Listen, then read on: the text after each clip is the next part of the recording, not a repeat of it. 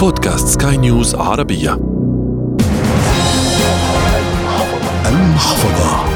المحفظة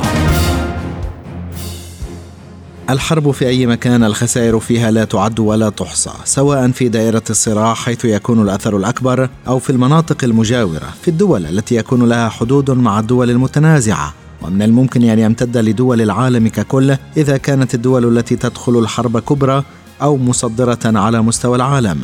كما عشنا في فترة الحرب الروسية الأوكرانية. حلقة جديدة من المحفظة تأتيكم عبر منصة بودكاست سكاي نيوز عربية على أبل جوجل سبوتيفاي أنغامي والعديد من المنصات الأخرى. في إعدادها وتقديمها أحمد الآ.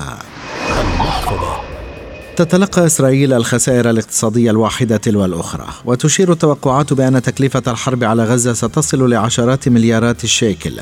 هذه العملة التي شهدت تدهورا كبيرا في قيمتها منذ السابع من أكتوبر وبدء الحرب بينها وبين حماس. وحسب بول مرقس دكتور الاقتصاد والقانون الدولي خسارة كبيرة أيضا في قطاع غزة.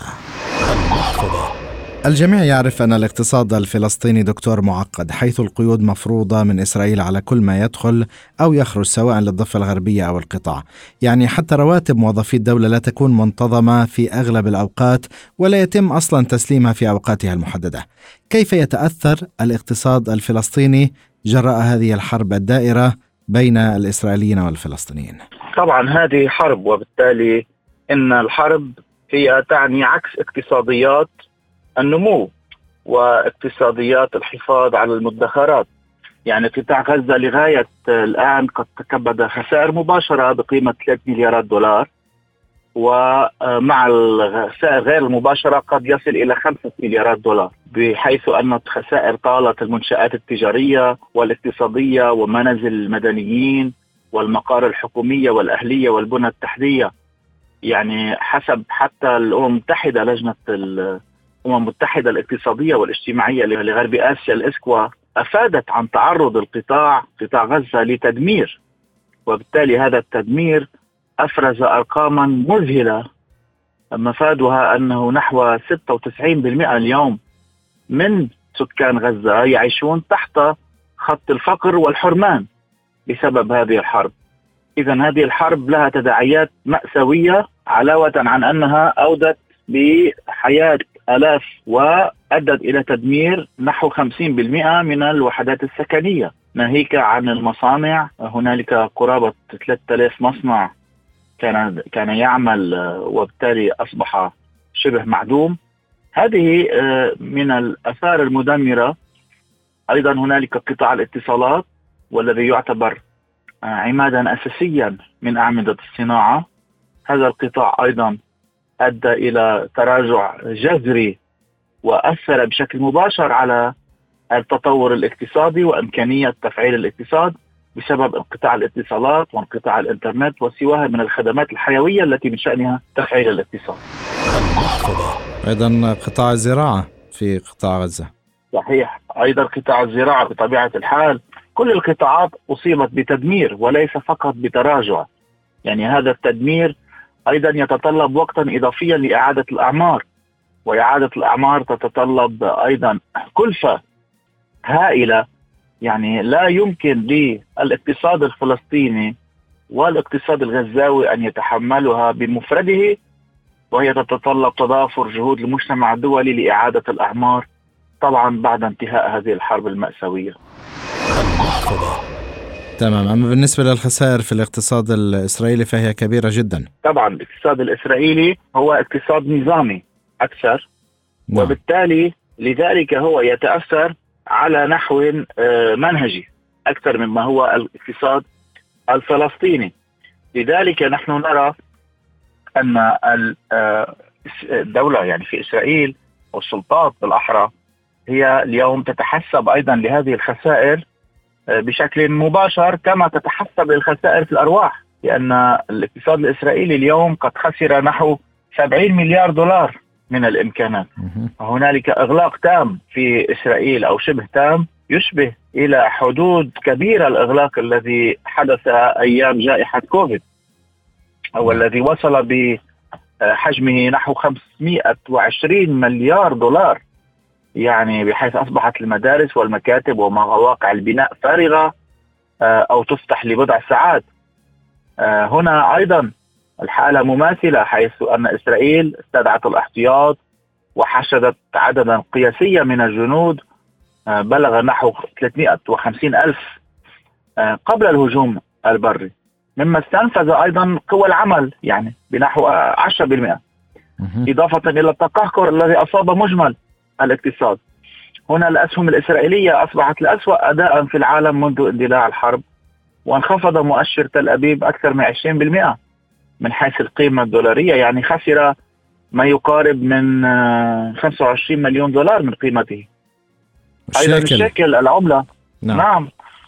انخفضت إلى أضعف مستوياتها منذ عام 2012 رغم إعلان البنك المركزي عن حزمة غير مسبوقة بقيمة 45 مليار دولار للدفاع عنه ولكن هذا ليس كافيا بنظري لأن الأمر يتجه نحو الأسوأ مع العملية البرية.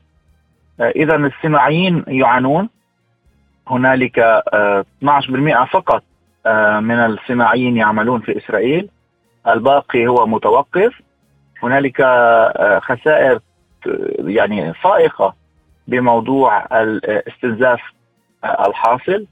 هنالك أيضا تكلفة مباشرة للحرب من حيث استعمال المخزون من السلاح. نعم طبعا. ورغم أن ذلك ربما أمر ضروري لأن مدة الانتهاء للأسف تقارب تشارف آه، آه، أن تبلغ مداها لكن يجب تعويض هذه في الاقتصاد الإسرائيلي وفي البنية العسكرية في البنية العسكرية الإسرائيلية يجب تعويض آه، هذه المبالغ أو هذه الخسائر. في الصناعة الحربية الإسرائيلية أو في العتاد والمواد المستوردة. هنا أشار الجيش الإسرائيلي طبعا إلى آه، أنه تم إخلاء 250 ألف إسرائيلي من منازلهم. هذا آه، يجعل أن الشركات فرحت موظفين. هنالك الرحلات الجوية توقفت السياحيه خلت المطاعم والمتاجر من الزبائن. تم إغلاق حقل الغاز الرئيسي خفض البنك المركزي توقعاته للنمو. كان يقدر آه، النمو بأضعاف أضعاف ما هو يقدر اليوم.